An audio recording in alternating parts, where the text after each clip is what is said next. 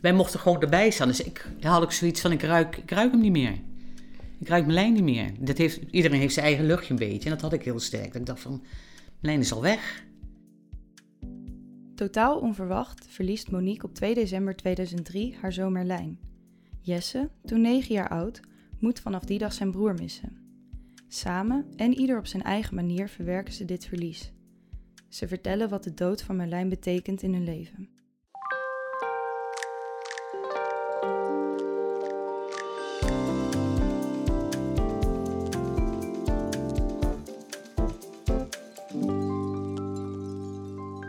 Monique en Jess, moeder en zoon, welkom. Fijn dat jullie eh, vandaag hier eh, met mij in gesprek willen gaan. Ehm, we komen zo op het onderwerp waar we eigenlijk hiervoor uh, aan tafel zitten. Maar ik wil eigenlijk van jullie eerst even weten, hoe zag jullie leven eruit op het moment dat dat, ja, het, het, het, ongeluk gebeurde, om het zo te zeggen? Toen woonden wij met z'n drietjes in Westervoort. Jesse, Melijn en Monique. Jesse was negen, Melijn was elf. Die gingen naar de basisschool. En uh, we hadden het wel gezellig met z'n drietjes samen, dacht ik. Jawel. En jullie zaten op dezelfde basisschool? Uh, ja, ja, ja, hij zat uh, twee jaar hoger. Op een gegeven moment ja, gebeurt er natuurlijk iets wat jullie leven op dat moment, zoals, je, hè, zoals het op dat moment is, eigenlijk op zijn kop zet. Wat, wat gebeurde er? Jesse was bij een vriendje. Spelen? Spelen. Mm -hmm. Nee, jij zou een, een, werkstuk gaan maken samen met Melijn ja. eigenlijk. Maar uiteindelijk had je zelf, ik weet niet meer hoe hij heet die jongen. Die, Sven. Sven, die had zoiets van, nee, daar kan ik ook wel mee helpen. Dus uh, gaat jij ze mee naar mijn huis. ja. En uh, toen ben ik met Melijn naar mijn huis gegaan. Of naar ons huis. En uh, daar kwam een vriend van mij koken. Jij ze bleef ook bij dat vriendje eten. Mm. En dus Pieter was dat en die heeft toen lekker, wat was het ook weer? Stoofpeertjes gemaakt en ik weet niet meer precies helemaal wat. Maar Melijn vond de stoofpeertjes heel lekker. Dus daar heeft hij heel veel van gegeten. Toen weet ik nog wel. En uh, toen hebben we dat dus gegeten. Toen was ik aan het afwassen. En toen zei ik tegen Melijn... Help je mij mee met afdrogen? Of wil je Pieter even helpen met een kastje naar, naar de zolder brengen? En toen zei Melijn van... Nou, ik wil wel een kastje naar de zolder brengen. Dat afwassen vond je natuurlijk niet zo heel interessant. En dat gebeurde ook op dat moment. Dus ik was aan het afwassen. Toen hoorde ik boven iets vallen. Dat was dat kastje achteraf. En toen iets naar beneden glijden. En toen hoorde ik Pieter zeggen van... Melijn, Melijn. Dus die liep ook, die holde naar beneden. En toen, ja, ik had zoiets, er gebeurt daar iets wat, heel, wat helemaal niet klopt. Dus ik liep ook naar de gang. En toen lag Melijn onder aan de trap. En Pieter, die, uh, die had zoiets van, dat is niet goed, bel 112. Dat heb ik toen ook gedaan. En uh, dus toen kwam de ambulance. En die uh, reden eerst nog het huis voorbij. Die konden ons adres schijnbaar niet vinden. Dus ik naar buiten erachteraan hollen. En toen uh, kwamen ze naar binnen. Toen, toen ik was aan het verbouwen ook. Dus er was weinig licht in de gang. Dus die vroegen of ik een, bepaal, een lamp vast wilde houden. Zodat hun meer licht hadden. Zodat ze beter konden zien wat ze bij Melijn deden. Knipte ze een t-shirt los. En deden allemaal van die dingetjes erop, weet je wel. Die, uh... En ik kon op de monitor zien, als ze op zijn borst drukte, dat uh, zijn hart wel heen en weer ging zo. Weet je wel, dat er uh, beweging was. En als ze stopte, dat het een rechte lijn was. Dus ik had zoiets van, dit is helemaal niet goed. Dus, nou ja, toen werd hij meegenomen naar de ambulance. En ik ben met de vervolgambulance meegereden richting Rijnstaten. Nou, Jesse was hier, uh, die was daar nog niet bij, want die was nog bij dat, bij dat vriendje. Wanneer kwam jij daarbij, Jesse? Ik uh, was bij het vriendje wezen eten. En toen uh, ben ik naar huis gefietst, rond een uur of acht, half negen volgens mij. Mm-hmm. Toen kwam ik binnen. En toen was Pieter, de, de, toenmalige vriend van mijn moeder, en mijn oom, die waren thuis. En Pieter vertelde wat er gebeurd was. Zei, Merlijn, die heeft een ongeluk gehad en die is naar het ziekenhuis. En ik uh, ik geloofde daar niks van. Ik ja, het zal weer uh, gouden zijn of zo. Uh, ik was boven een beetje tv aan het kijken, volgens mij. En toen kwam Pieter naar boven en zei, we moeten naar het ziekenhuis. Toen dacht ik van, oh, oké, okay. nou, ze dus vast wel opgenomen in de stad of zo. Ze zullen wel iets, iets gedaan Je dacht dat hij jou een beetje in de maling nam? Ja, ja, ik, ja, ik nam, geloofde er gewoon niks van. Dat is meer. En toen, eh, toen reden we dus naar, ziek, naar het ziekenhuis. En toen kwamen we daar. En toen, eh, ja, toen bleek het toch wel, eh, wel redelijk serieus. Op het moment dat je dan dat, hè, in die auto zit en je ziet dat ziekenhuis in beeld komen, voor zover je dat natuurlijk nog kunt terughalen, want je was, je was eh, negen jaar natuurlijk, hè, nog een klein mannetje. Eh, wanneer komt dan dat moment dat je beseft van, nou misschien is het toch geen grapje? Op het moment dat we, ja, dat we in plaats van richting het centrum, ri- richting het ziekenhuis gingen rij- rijden, zeg maar. Dan, dan begint het steeds meer eh, eh, binnen te komen, zeg maar. Ja. Ja, en dan kom je in het ziekenhuis Mhm. en wat gebeurde er toen? Toen eh, hebben we bij de receptie gevraagd waar we heen moesten. En toen zijn we naar boven gelopen. En toen kwamen we boven. En toen zag ik mijn moeder, mijn vader. En toen zag ik ook meteen de, de brancard met mijn broer erop eh langs rijden. Met allemaal slangetjes en eh, monitor en zo. Dus dan, ja, dan verandert het wel, zeg maar. Ja. Waar was jij toen, Monique? Ik zat in de gang daar in het ziekenhuis. Want ze waren Melijn volgens mij even onder een soort scan aan het leggen. Om te kijken wat er nou precies de oorzaak was waardoor zijn hart niet op eh, gang kwam. Want ik kan me wel herinneren dat Pieter en Jesse die gang in kwamen. Toen raakte hij een beetje overstuur volgens mij ook. En wij waren eigenlijk meer zo van, weet je wel, met grote ogen van wat gebeurt hier allemaal. En eh, toen werden wij volgens mij weer naar binnen geroepen. Om met een arts te gaan praten volgens mij. Ik weet niet of jij, of, of, of jij toen ook meeging, weet ik eigenlijk niet. Volgens mij niet. Volgens mij was ze oma en eh, en tante. die waren het. Die waren er toen al, volgens mij. En toen ben ik daarbij gebleven. Terwijl jullie met de dokter gingen praten. Kunnen jullie eens omschrijven wat het, eh, wat het, het, het, het gevoel was op dat moment? Op het moment dat je daar in het ziekenhuis bent en je bent eigenlijk in onzekerheid van ja, wat er gaat gebeuren met Merlijn. Wat, eruit voor gevoel? Je bent helemaal eh, in een soort shock, volgens was ik meer. Van wat... Er gebeurt iets waarvan je totaal niet snapt wat er gebeurt. Dus het- Het is heel eh, machteloos. ja, Heel, eh, ja. je zit eigenlijk alleen maar met van die hele grote ogen in een soort... Ja, shocktoestand eigenlijk. En wanneer, wanneer komt dan dat moment dat jullie echt te horen krijgen van eh, ja, helaas, er, er is niets meer, aan, eh, niets meer aan te doen? Ja, dat, ging, dat gebeurde volgens mij toen Jesse net ook in die gang al was, volgens mij. Toen zijn Peter, dus de vader van Melijn, en ik eh, bij de arts naar binnen ge- gevraagd, zeg maar. En toen, maar ik had zoiets, de hele tijd al zoiets van, Melijn is er niet meer. Waarom? Waarom, eh, waarom kun je dat eens uitleggen? Nou, wij waren bij het reanimeren nog in het ziekenhuis aanwezig, gewoon in die behandelkamer. Dus je ziet gewoon dat mensen bezig zijn met je zoon. Maar je ziet ook dat er, een, dat het niet, ja, dat er niet vooruit, dat er geen vooruitgang is. Wij mochten gewoon erbij staan. Dus ik had ook zoiets van, ik ruik, ik ruik hem niet meer. Ik ruik Melijn niet meer. Dat heeft, iedereen heeft zijn eigen luchtje een beetje. En dat had ik heel sterk. Dat ik dacht van, Melijn is al weg. Dus wij werden toen bij die arts naar binnen gevraagd. En toen had ik eigenlijk zoiets van ze gaan vragen of ze misschien eh, eh, iets van Melijn mogen gebruiken voor, eh, voor, voor anderen. Maar ze zeiden toen van, we hebben alles geprobeerd. En ze vertelde eigenlijk iets wat ik al wist op dat moment. Ja. Is het dan een beetje een strijd tussen hoop en realiteit? Ik denk dat er niet veel hoop is op zo'n moment. Nee, er dat was eigenlijk, nee, ik had heel erg van, ik ben hem al kwijt de hele tijd. Ja.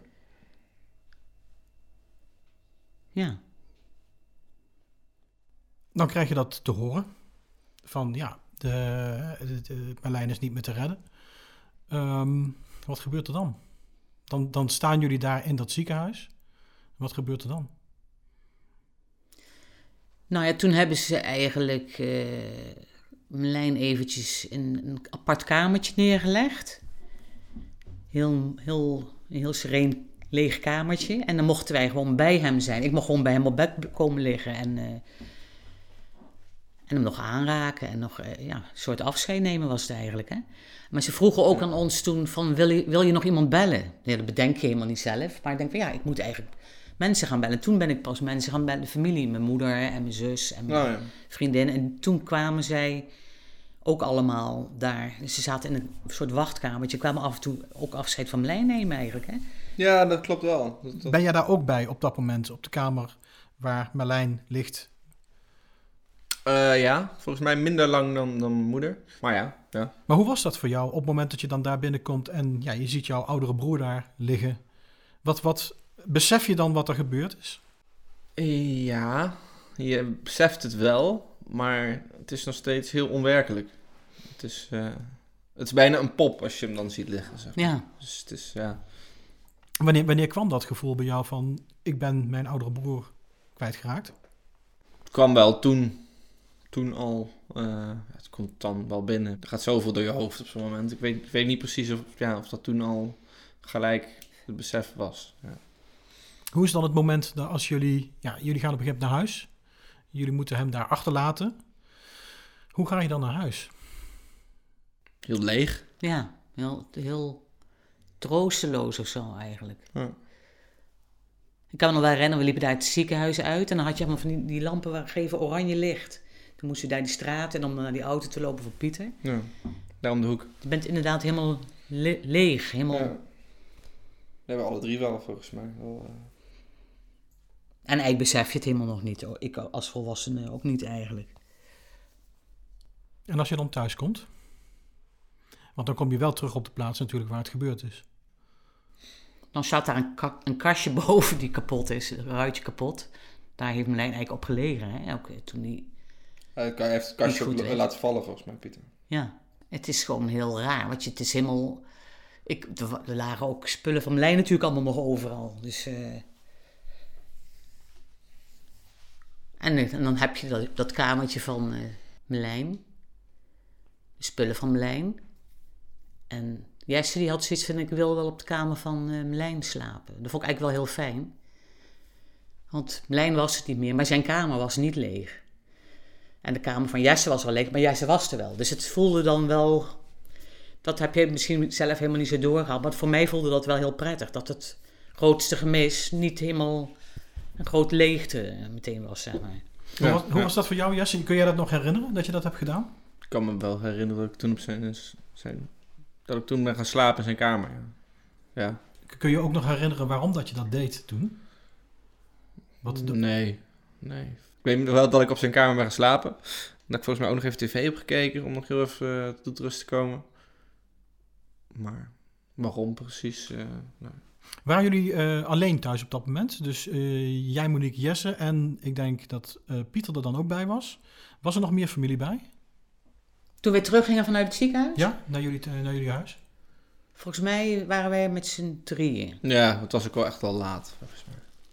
Nou ja, dat is eigenlijk, dat, dat dacht ik dat het heel laat was, maar het is allemaal heel snel gebeurd. Maar omdat, er zo, omdat je zoveel meemaakt, zoveel emoties doormaakt, is het voor je gevoel 12 uur, terwijl het misschien pas half negen is of zo. Ja, nee, het was gebeurd rond 8 uur volgens mij. En wij kwamen wel echt al, eh, toen wij het ziekenhuis uitliepen, was het al wel helemaal donker en, en, en leeg. Maar er waren volgens mij geen mensen verder naast ons drie bij ons in huis nog. Nee. Maar je zit alleen maar een beetje voor je uit te staren. Ik wist gewoon niet eens hoe ik een kopje thee moest zetten, eerlijk gezegd. Hm. Ik was helemaal wezenloos.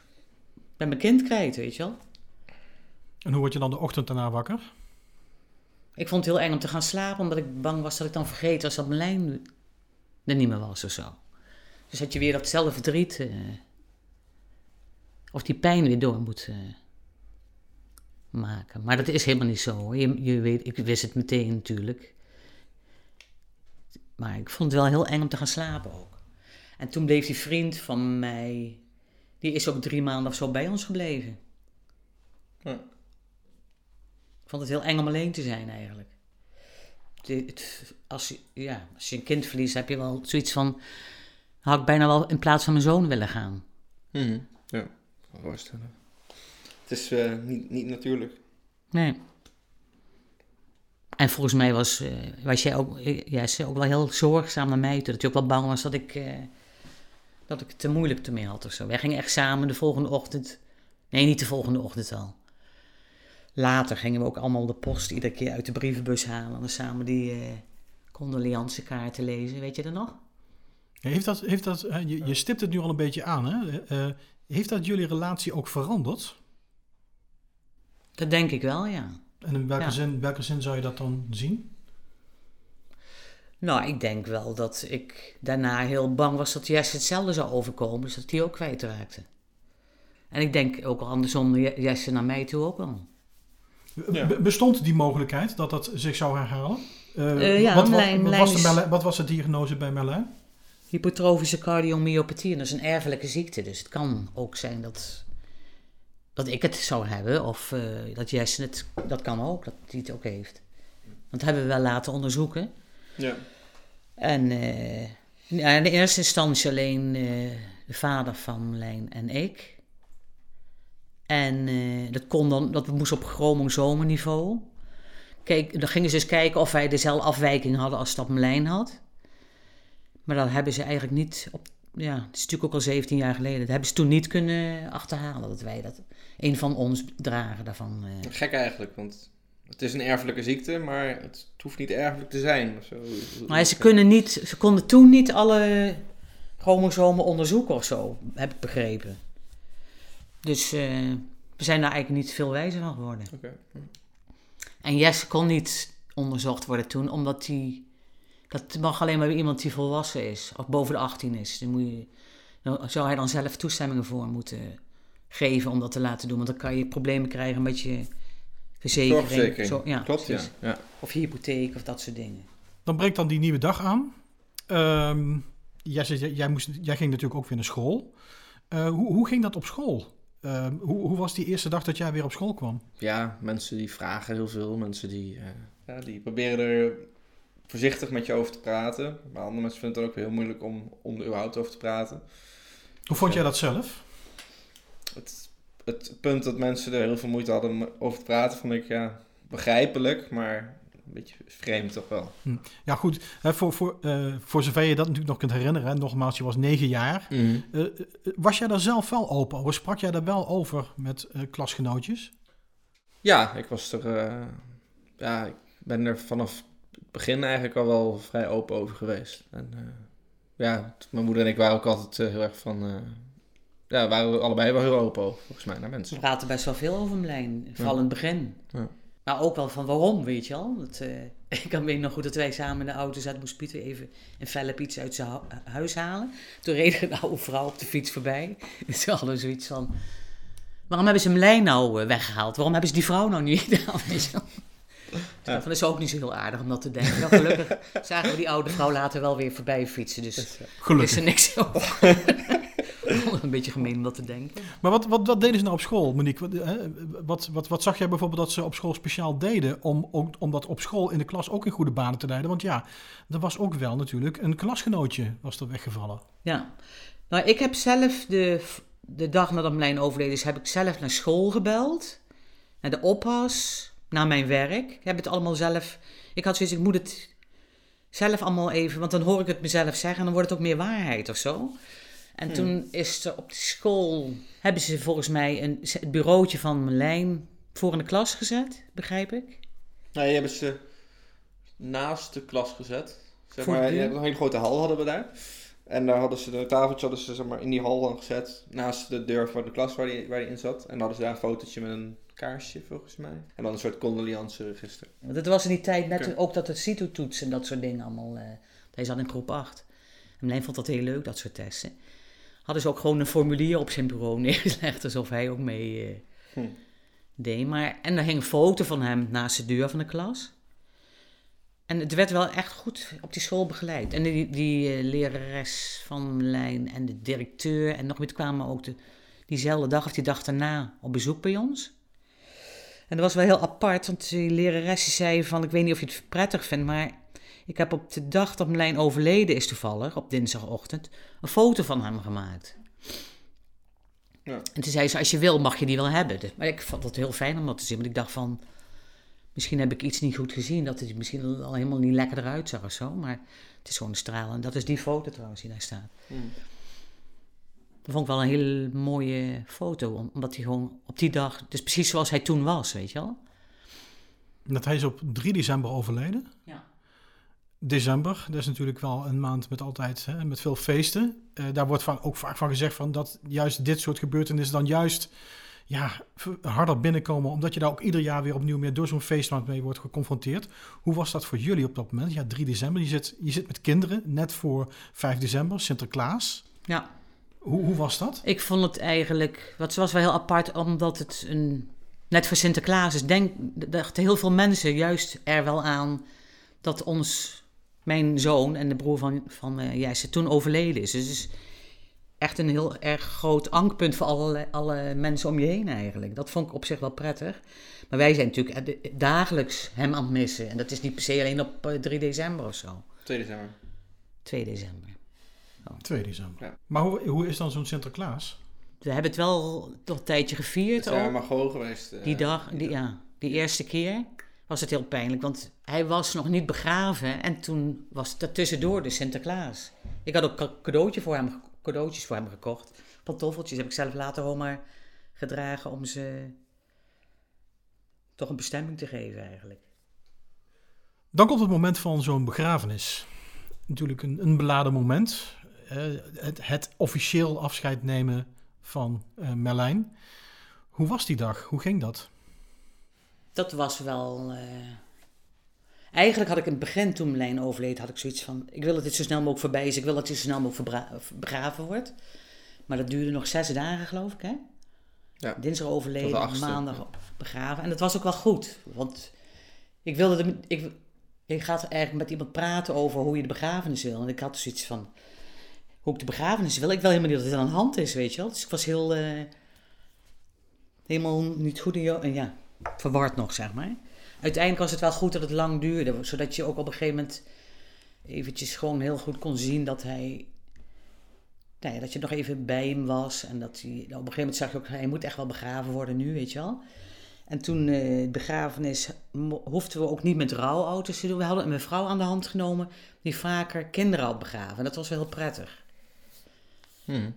Want ja, hoe, hoe, ga je een kind begraven? Ik bedoel, eh, ik weet niet eens ook een volwassene hoe je dat moet doen. Laat staan hoe je het met je kind... eh, moet je dan een pyjama aan? Of, eh, in ieder geval, die zei van nee, het mag zijn lievelingsdekbed doe je over om heen en zijn lievelingskleding. En eh, ja, ze heeft de kleur van de kist geloof ik uitgekozen. Ja, die moest wit of zo zijn. Eh, en de begrafenis hoefde ook niet per se een van die rouwauto's te zijn. Ja, toen hebben we de bus eh, van, eh, van Pieter eh Ja, had toevallig net daarvoor, daar was Marlijn nog bij, had hij die eh, gekocht. En dat vonden jullie heel leuk, jullie net alsof wij een nieuwe auto kregen bijna, weet je wel. Dus hij mocht gewoon in een, in een eh, Volkswagen busje werd hij vervoerd. Dus het was, en er stond, had Marlijn, Peter had er letters op gemaakt van Marlijn. En wij zaten met z'n drieën voorin, Pieter, Monique en Jesse.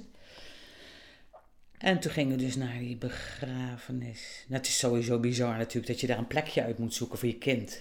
En dat je denkt van als ik naar mijn kind wil, moet ik hier, moet ik naar een, naar een begrafenis of eh, naar een eh, begraafplaats. Maar die begrafenis zelf was, eh, ik, heb, ik kon eigenlijk niks zeggen. Zijn vader wel, Jesse heeft ook iets gezegd. Mhm. En, en ze vroegen ook al van tevoren hoeveel mensen komen op die begrafenis. Dus ik dacht van ja, 50 misschien. En er waren uiteindelijk wel 200 man of zo, hè. Ja. Waarschijnlijk Ja. bij kinderen wel vaker. Het soort van ouders gaan mee en kinderen uit de klas. En, eh, en het was wel een heel, hele mooie dienst eigenlijk, vond ik. En uiteindelijk hebben we zelf de kist naar de begraafplek gedragen. En we hebben hem ook zelf helemaal met de hand begraven. Niet met zo'n bulldozer laten doen, maar... eh, en dat vond ik wel heel prettig. Want de dag daarna kwam ik er weer en het graf zag eruit zoals wij hem zelf achtergelaten hadden. Dat vond ik wel heel... eh, het is mijn kind, weet je wel. We hebben hem zelf toegedekt. Dat gevoel had ik wel erg. Ja.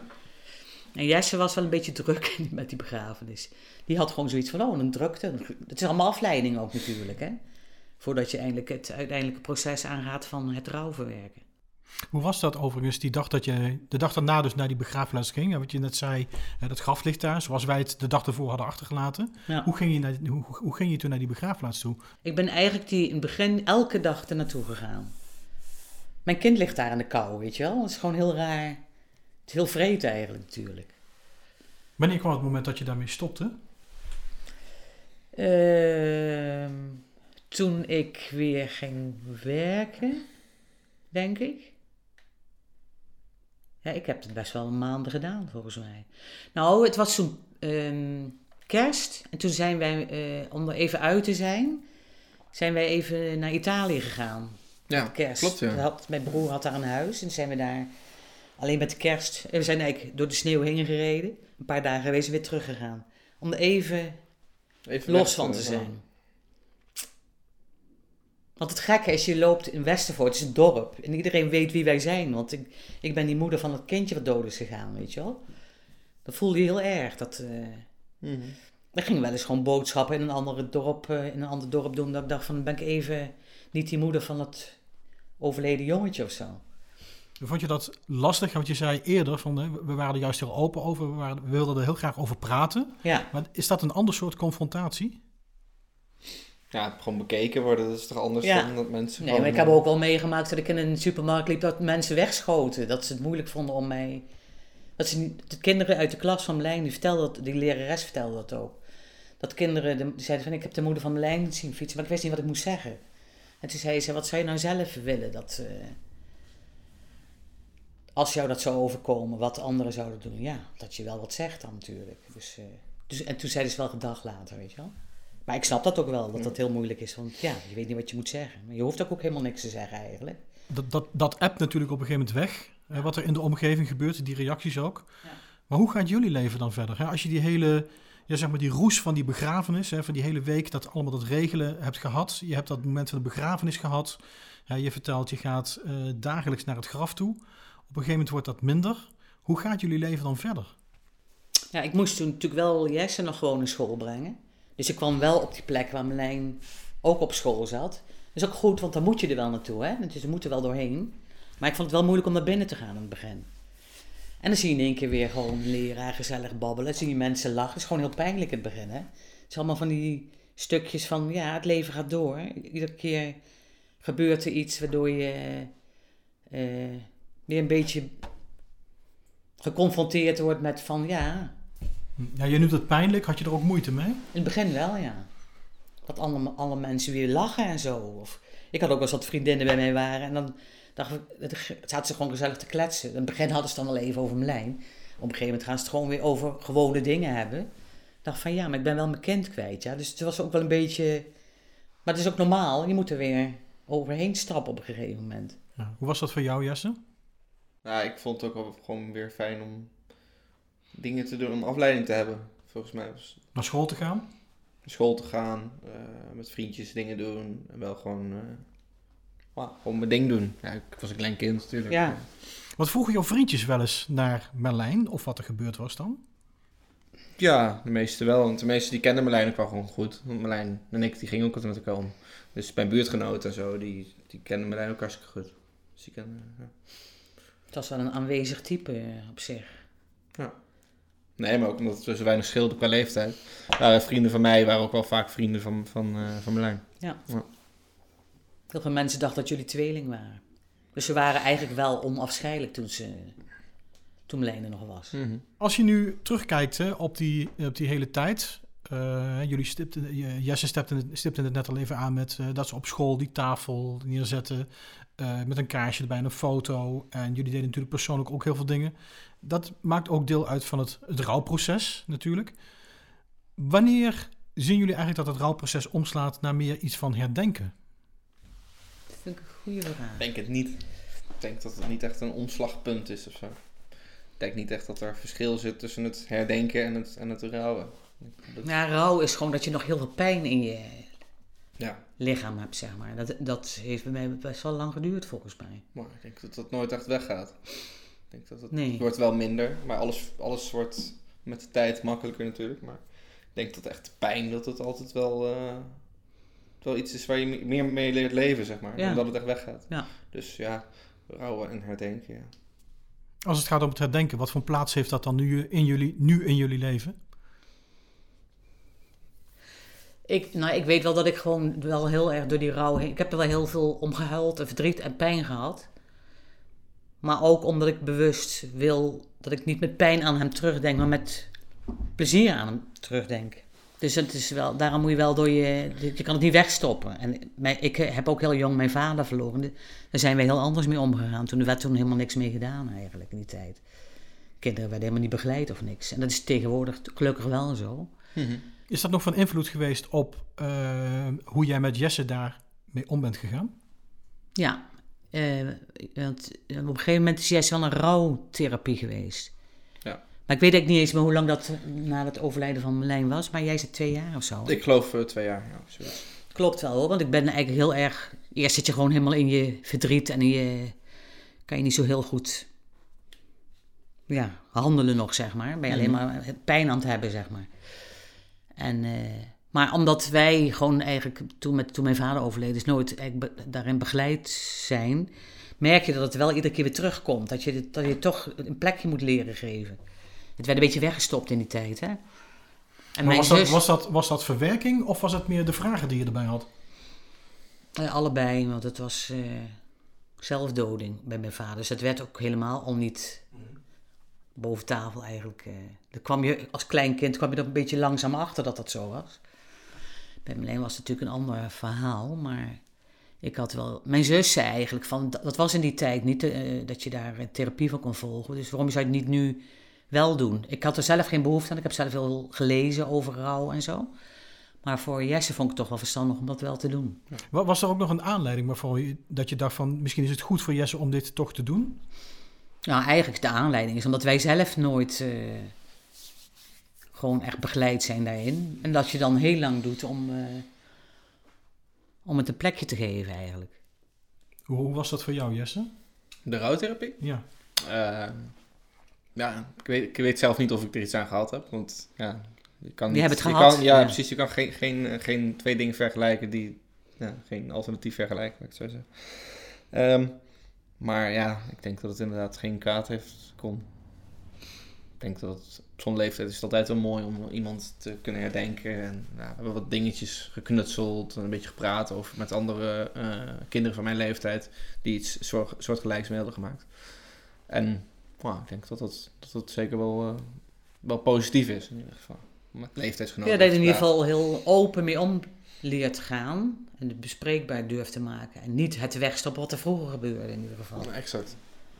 Wat was jij, voor, voor zover je dat nog kunt herinneren natuurlijk, Jesse, is aan jou de vraag. Wat was jij voor een jongetje voordat eh, Merlijn overleed? Eh, ja, heel hyper in ieder geval. Altijd wel aanwezig. Ja. Marlijn was heel rustig, heel eh voorzichtig, afwachtend eigenlijk. En Jesse die was iemand die, die sprong alle eh, hoeken. Ja, ik, deed was voordat- best wel ik, ik, druk. de- ik deed en daarna dacht ik pas, zeg maar. ja. Dat is hoe het, eh, het een beetje. Ja. Hoe, hoe is dat veranderd? Ja, met de jaren ben ik wel, wel wat rustiger geworden. Wat, eh, ja. Ik denk ook Nou, dat denk jij zorgzamer bent geworden naar mij toe in ieder geval. Ja. Hoe, hoe openbaarde zich dat? Ik weet niet of jij dat nog weet, Jesse, maar ik ging wel eens een keertje, zat ik in een tuin in de zon. En toen dacht ik van ook nog boodschappen halen. Dus toen dacht ik van even snel eh, nou, naar eh, de supermarkt. Dus toen lag er nog een, had ik een vest op een tuinstoel of zo laten liggen. Toen was ik naar de winkels gegaan en toen was jij thuis gekomen. Toen dacht je dat ik binnen was of zo. Toen belde je mij op, zei je van ik heb een raam kapot geslagen. Toen had ik, je Want met ik huis, dacht- toen had ik nog geen mobiele telefoon of zo, ja.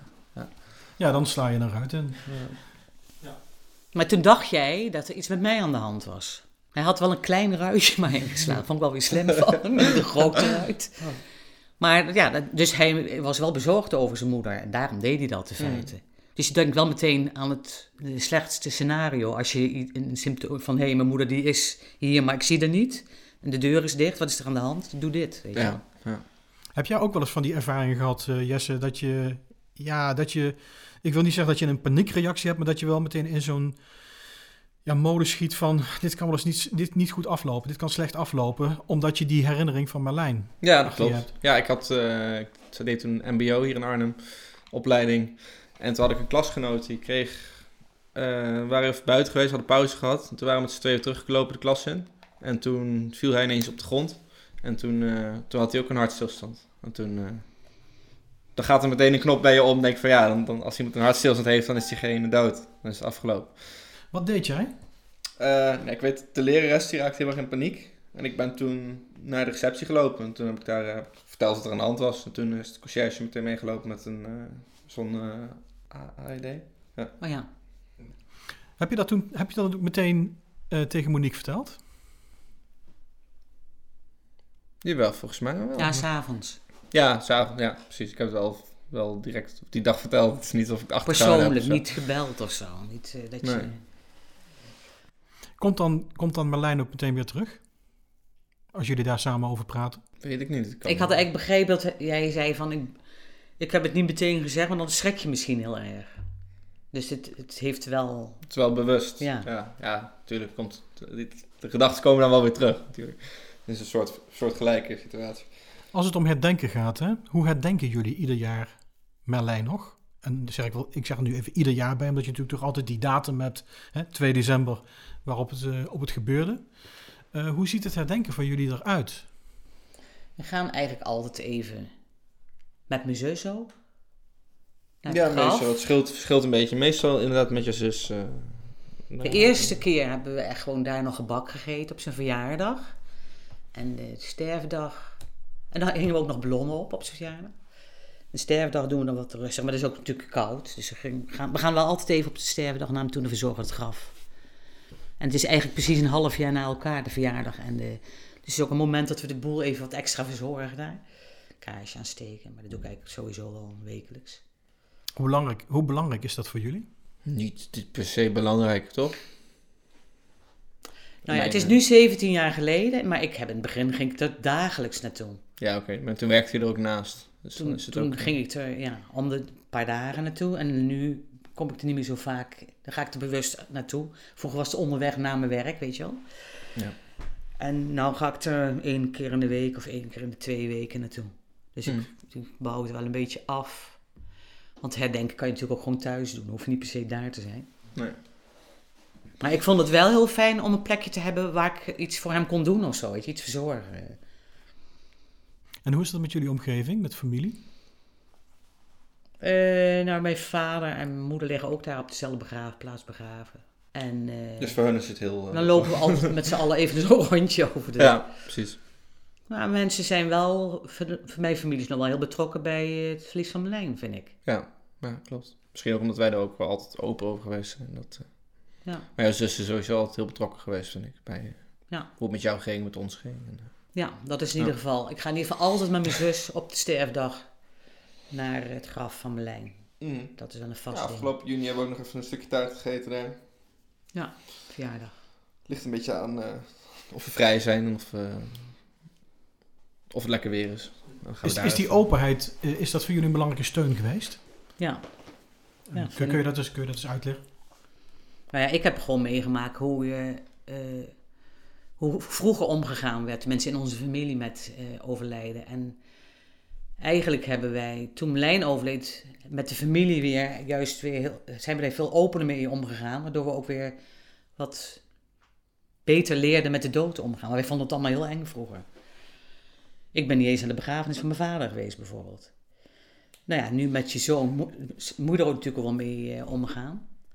En de hele familie was er meteen ook. En ja, dat is wel iets wat wij eigenlijk door Merlijns overlijden hebben we wel geleerd om wat opener met de dood om te gaan. Mhm. Daarvoor waren we echt heel, uh, nou ja, spas is een raar woord, maar gingen we er wel een beetje, vonden het alleen maar eng. En dat is nu helemaal niet meer zo.